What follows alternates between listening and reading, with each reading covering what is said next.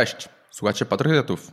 Prowadzą Szymon Warda i Łukasz Kałużny. Klasycznie wszystkie linki do tego odcinka na naszej stronie, czyli patoarchitekciał slash 59. Dobrze Szymonie, dzisiaj ty robisz ogłoszenie parafialne. A jest ogłoszenie parafialne, bo jest to ważne i bardzo miłe ogłoszenie parafialne, bo można mieć naszych wspaniałą patologię, nasz wykład czy cokolwiek się dogadamy w formie akcji WOŚP. Jest wystawione na Allegro. Będą oczywiście linki w opisie odcinka. W sumie jesteśmy wystawieni. Wystawieni i odstawieni. Tak, tak. Więc zapraszamy tak naprawdę. Pieniądze oczywiście idą na WOŚP. My się zjawiamy. Termin realizacji jest do 30, 31.11, prawie do końca roku. Co wchodzi? Przedmiotem akcji jest oczywiście nasze wystąpienie na konferencji, spotkaniu firmowym, cokolwiek.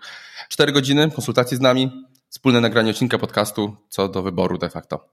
Pieniądze idą na szczytny cel, jak doskonale wiemy, także no, Zapraszamy. A można zrobić fajną akcję firmową, albo może wasz HR, employer branding, jeżeli tego potrzebujecie, albo jakieś fajne konsultacje z ciekawych tematów.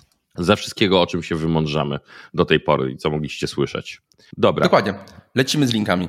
Co masz, Łukaszu? Dobra, mój link w tym tygodniu nie było nic porywającego, jak sobie gadaliśmy, ale The Ultimate Guide to the Software Architecture. Mam wrażenie, że to, co tam gdzieś pomiędzy my odcinkami rzucamy, mówiliśmy o ADR-ach, ktoś to spisał w post.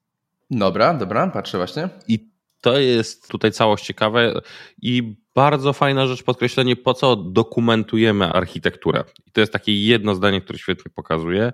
Dokumentujemy naszą architekturę po to, żeby wytworzyć wspólne zrozumienie. To jest bardzo dobre określenie, bo super ważne w dokumentacji jest to, że określamy, dokumentacja powinna być po to, żeby zrozumieć, co się dzieje, a nie żeby opisać, co jest w kodzie.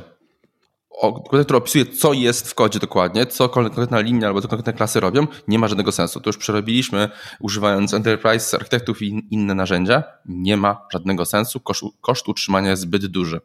Tak, właśnie i tam, tam jest kolejny taki nagłówek ładny, który też mówi, to z tym się też bardzo mocno zgadzam, a nawet dwa takie po kolei, że on wspiera tak naprawdę pracę architektoniczną. Dokumentacja mhm. wspiera architektoniczną i ma podjąć, podejmować decyzje przy implementacji nowych feature'ów w rozumieniu produktowym. Czyli tak. ma dać holistyczny pogląd, a nie te detale, o które się kłócimy albo potrafimy się wykłócać. To, co powinno skończyć kawałkiem markdownu czy komentarza w kodzie. Czyli rzeczy, które mają de facto bardzo małą zmienność i co jest celem tego, co budujemy de facto. Tak. Bo opisywanie rzeczy, które są bardzo często zmienne, albo bardzo niedokładne, albo mogą się łatwo zmienić, nie ma większego sensu. Po prostu. Bo za chwilę wchodzimy w problem taki generalnie, gdzie jest źródło prawdy? W kodzie czy w dokumentacji? I to jest najgorsza sytuacja, w której możemy być. Tak, wiesz co, to jest ta twoja dyskusja, bo miałeś fajną dyskusję na, pod naszym jednym z tych odcinków, gdzie mówiliśmy, czy architekt musi kodować, czy nie gdzie sobie mhm. dyskutowaliśmy, tam zrobiliśmy, widziałem fajną dyskusję, też zapraszam do poczytania o co chodzi. Właśnie nieodróżnianie architektury systemu od architektury kodu. Tak, to są dwie zupełnie inne rzeczy, ale co mnie dotknęło, a czy dotknęło, tak tknęło bardziej w tej dyskusji, to jest to, i to nie jest odnośnie osoby, którą dyskutowałem, to taka bardziej myśl obok kompletnie się pojawiła, mhm. też patrząc na nas swoją karierę, póki się nie wyjdzie z tej architektury pojedynczej aplikacji, nie widzi się de facto, ile jeszcze jest powyżej tak naprawdę. Nie pamiętam ten moment u mnie przeskoczenia de facto. To jest naprawdę dużo roboty. Więc tak, ta, tam w ogóle jest mega ciekawa i też jestem wdzięczny za tę dyskusję, bo naprawdę była, naprawdę, naprawdę była wartościowa. Dobra, lecąc przy tym wpisie jeszcze taka pierdoła, która się tu znajduje, ale jest ciekawa, bo zawsze zadajemy sobie pytanie, jak zacząć, jak powinno wyglądać. I są wrzucone de facto dwa tule przypominające pewne rzeczy, albo trzy. Pierwsza to są diagramy C4, które jak nie kojarzymy o co chodzi, nie znamy tego pojęcia, bo ja tego nie stosuję religijnie.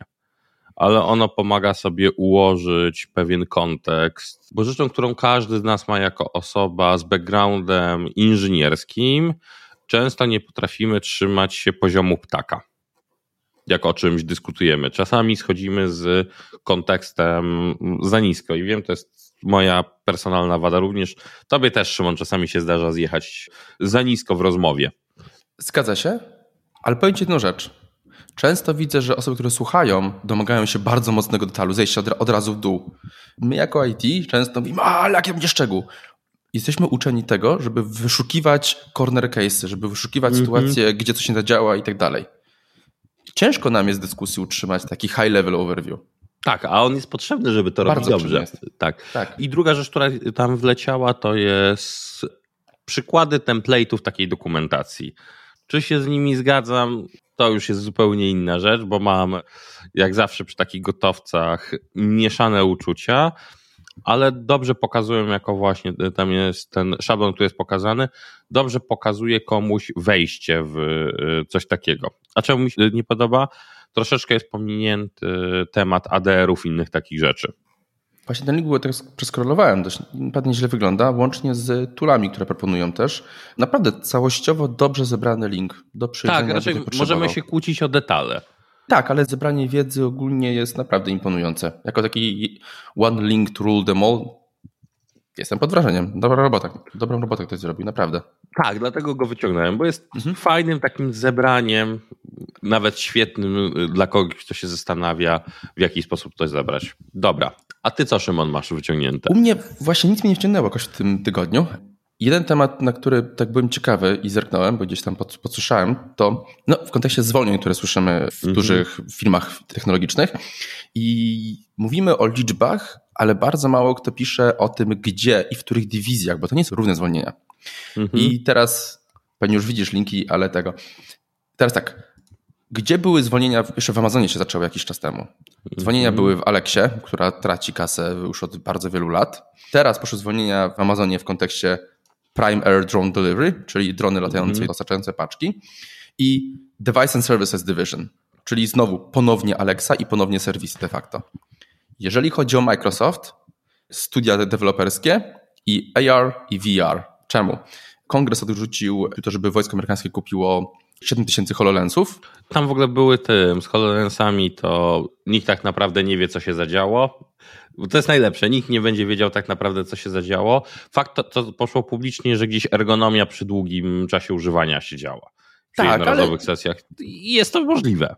Ale finalnie kongres odrzucił, więc tak. kasa, kasa, nie weszła po prostu i Altspace VR też poszło. Więc mhm. jak na mój gust tak naprawdę, to patrzymy sobie, no to VR is dead to w fajnej sytuacji stawia cały metaverse Facebooka de facto. Y, wiesz co, tam Altspace'em, bo się akurat doczytałem tam kawałek, y, jak to wyglądało, to tam chcą scalić, że tak powiem, wszystkie teamy i inne rzeczy. Czyli połączyli i odrzucili to, co niepotrzebne.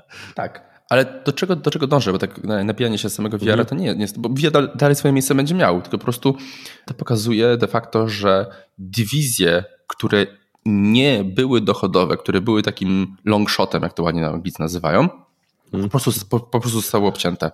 A żeby nie było, MS jednocześnie, mimo że ludzi zwolnił, to na przykład rekrutuje i ładuje absurdalne pieniądze obecnie, to rozmawialiśmy w poprzednim odcinku, właśnie w AI. To samo dzieje się w Google. Google też, też mocno inwestuje.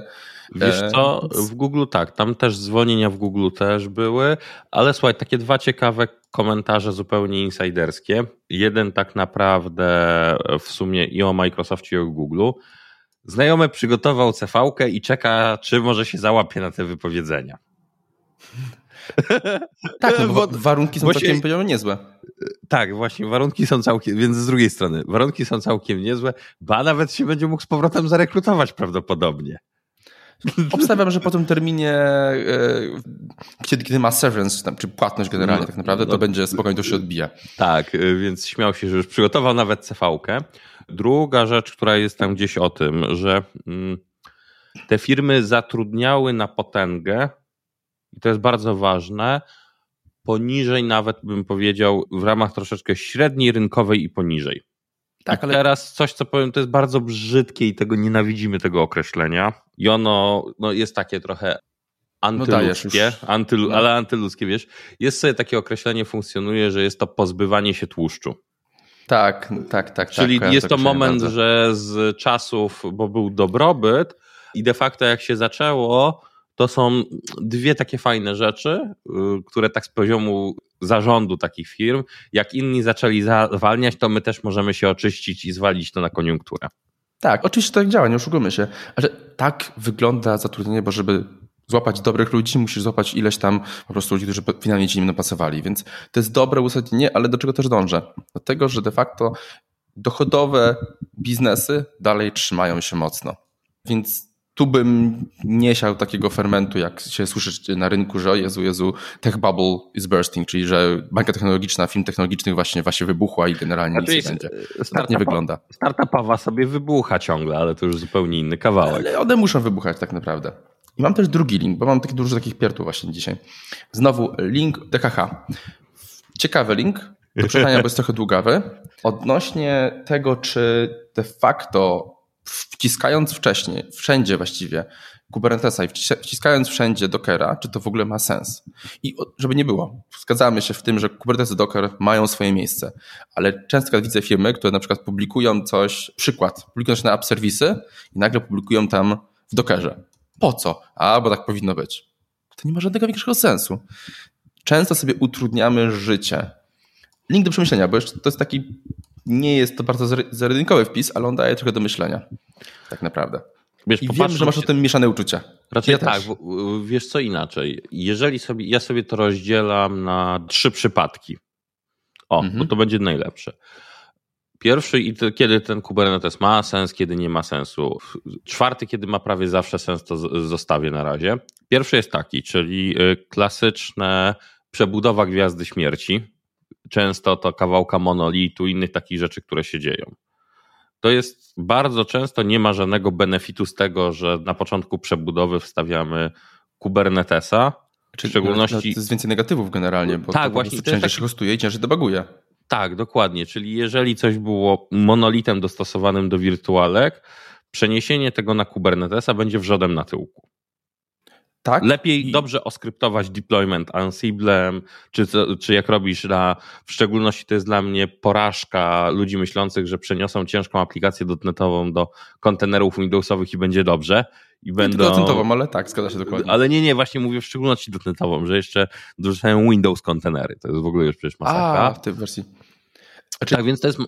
Dla sensie... mnie to jest jedna rzecz. Często ludzie mówią Kubernetes, a nie liczą, ile czasu zajmie, żeby zespół nabył wiedzy w ogóle, żeby tego używać. A ta, tak, i to jest też w tym wymienione właśnie, że to jest pochowane to wszystko, więc to jest taki pierwszy, to jest pierwszy przypadek i tutaj z tym wpisem się zgadzam. W ogóle nie próbuj, zostaw, jak nie będziesz gotowy, to nie dotykaj. A kiedy Kubernetes ma sens, taki prawie troszeczkę domyślnego kierunku, jeżeli ktoś już nabył kompetencje kubernetesowe, buduje coś nowego w on-premie, to naprawdę ma to sens. A ja bym powiedział inaczej. Jeżeli to wysyłasz komuś innemu, uproszczenie, że dajesz komuś Helm charta i on w ciągu jednym poleceniem instaluje cały twój system na on-premie czy w chmurze, no tak, to, wiesz, to jest po prostu next level. To jest, wiesz, to jest to, fenomenalna pro, pro, funkcjonalność. Pro, tak, produktowy zostawmy, bo tutaj w ogóle nie ma co się tym gudzić, ale idąc właśnie, czyli w on-premie, jak posiadam kompetencje, robię coś nowego, genialne. O tak, sprawdza się i tyle. Tylko ważne, zaczynam, posiadam kompetencje. A przypadek cloudu jest taki. Jeżeli umiem w Kubernetesa i mój zespół umie w Kubernetesa, sprawdzi się świetnie. Jeżeli nie umiem, idźmy w natywne elementy, pasy, serverlessy, inne zabawki i na siłę nie hostujmy tam baz danych, jeżeli wcześniej tego nie robiliśmy. To... E, Bym się z tym zgodził. Znaczy, jak już jesteśmy w Kubernetesie, to niech będzie, ale we, moment wejścia to jest, to jest duża inwestycja bardzo. Duża i długa. Tak. I Dobra, i ostatni przypadek, lokalny development. No, sorry, to się sprawdza. Bardzo często, jeżeli wiesz, inaczej znowu, jeżeli wiesz, co robisz i standaryzujesz to wśród swojego teamu. Lokalny development w sytuacji, kiedy dewelopujesz serwisy trzecie masz w Dockerze swoje, a swój generalnie odpalasz lokalnie. Tak, ja dokład, zgodzę. Tak. dokładnie, tak. albo jakieś VS Code, dev containery, inne tego typu zabawki, kiedy twoje IDE się z tym integruje. No i Łukasz, jeszcze rzecz trzecia, już odchodząc od tego całego linku, ponieważ zauważyłem, że mamy trochę błąd i przerwanie ciągłości, ponieważ nie nabijaliśmy się z Ilona ostatnio. ale, ale, ale, mam genialny, genialny po prostu link. Okay. Elon, wpis z Twittera. OK, our team of 20 did some ex extra hardcore crunch crunch time and patch every bug. Hopefully we didn't miss anything. Trzy minuty później some fucker decided it would be funny to SQL inject on the login form. I teraz, some extra crunching. tak, I teraz ekstra informacji to jest to, że Od czasu, kiedy Elon kupił Twittera, ani razu jego samolot nie wylądował na lądowisku SpaceXowym, więc Elon się nie zajmuje kompletnie już teraz SpaceXem, więc okazuje się, że powiedzenie it isn't rocket science możemy zamienić na it isn't software e, architecture. No, to, nie, tak, to jest. Aczkolwiek jedno jest ciekawe z no. całości tej zabawki, bo tutaj mówimy o okrajaniu tego, jak tam okrajał ludzi innych rzeczy. Twitter w sensie usability nie poleciał na ryj. Ale i dostępności. usability, nie ruszysz, a czy tego. Bo tu dalej chodzi. Jak masz dobrą platformę, to jakieś Ale... wybuchy mniejsze, większe, poza tym jak MFA wyłączył, no to generalnie to będzie Ale nie, nie, mówię, że wiesz, poza tą pierdołą z MFA, te Blue Badge'a zostawmy, to jest właśnie mhm. pięknie pokazuje, że tam ten core naprawdę nie był duży u osób utrzymujących to trochę co poleciało, tak, ale no, to też idzie jakąś siłą inercji de facto. No, też pewne rzeczy działają, pewne no. procesy działają tak naprawdę. Zanim to wszystko zostanie wywalone, to trochę Elonowi zajmie czasu. Ale to pokazuje bardzo dokładnie mi jedną rzecz. Ten mit time crunchu, hakowania, który czasami istnieje, szczególnie u młodych, nie ma żadnego sensu. Mówiliśmy, kiedyś mówiliśmy, że nie ma żadnego sensu długofalowo. Teraz jest nawet krótkofalowo generalnie. Jeżeli poświęcisz jakoś i wrzucisz to na szybciora, to za chwilę to ci wybuchnie w twarz. Po prostu jakość ma sens, a szczególnie, że to jest wystawione jakkolwiek do publicznego internetu, bo za chwilę ktoś cię zeskanuje i ktoś zwykłymi botami, automatyzacją rozwali twoje API. Po prostu. A, dobra, miałem z czegoś poużywać, ale to zostawmy na następny odcinek. To kończymy. Co, kończymy. Tak. Trzymajcie się. Hej. Na razie. Hej.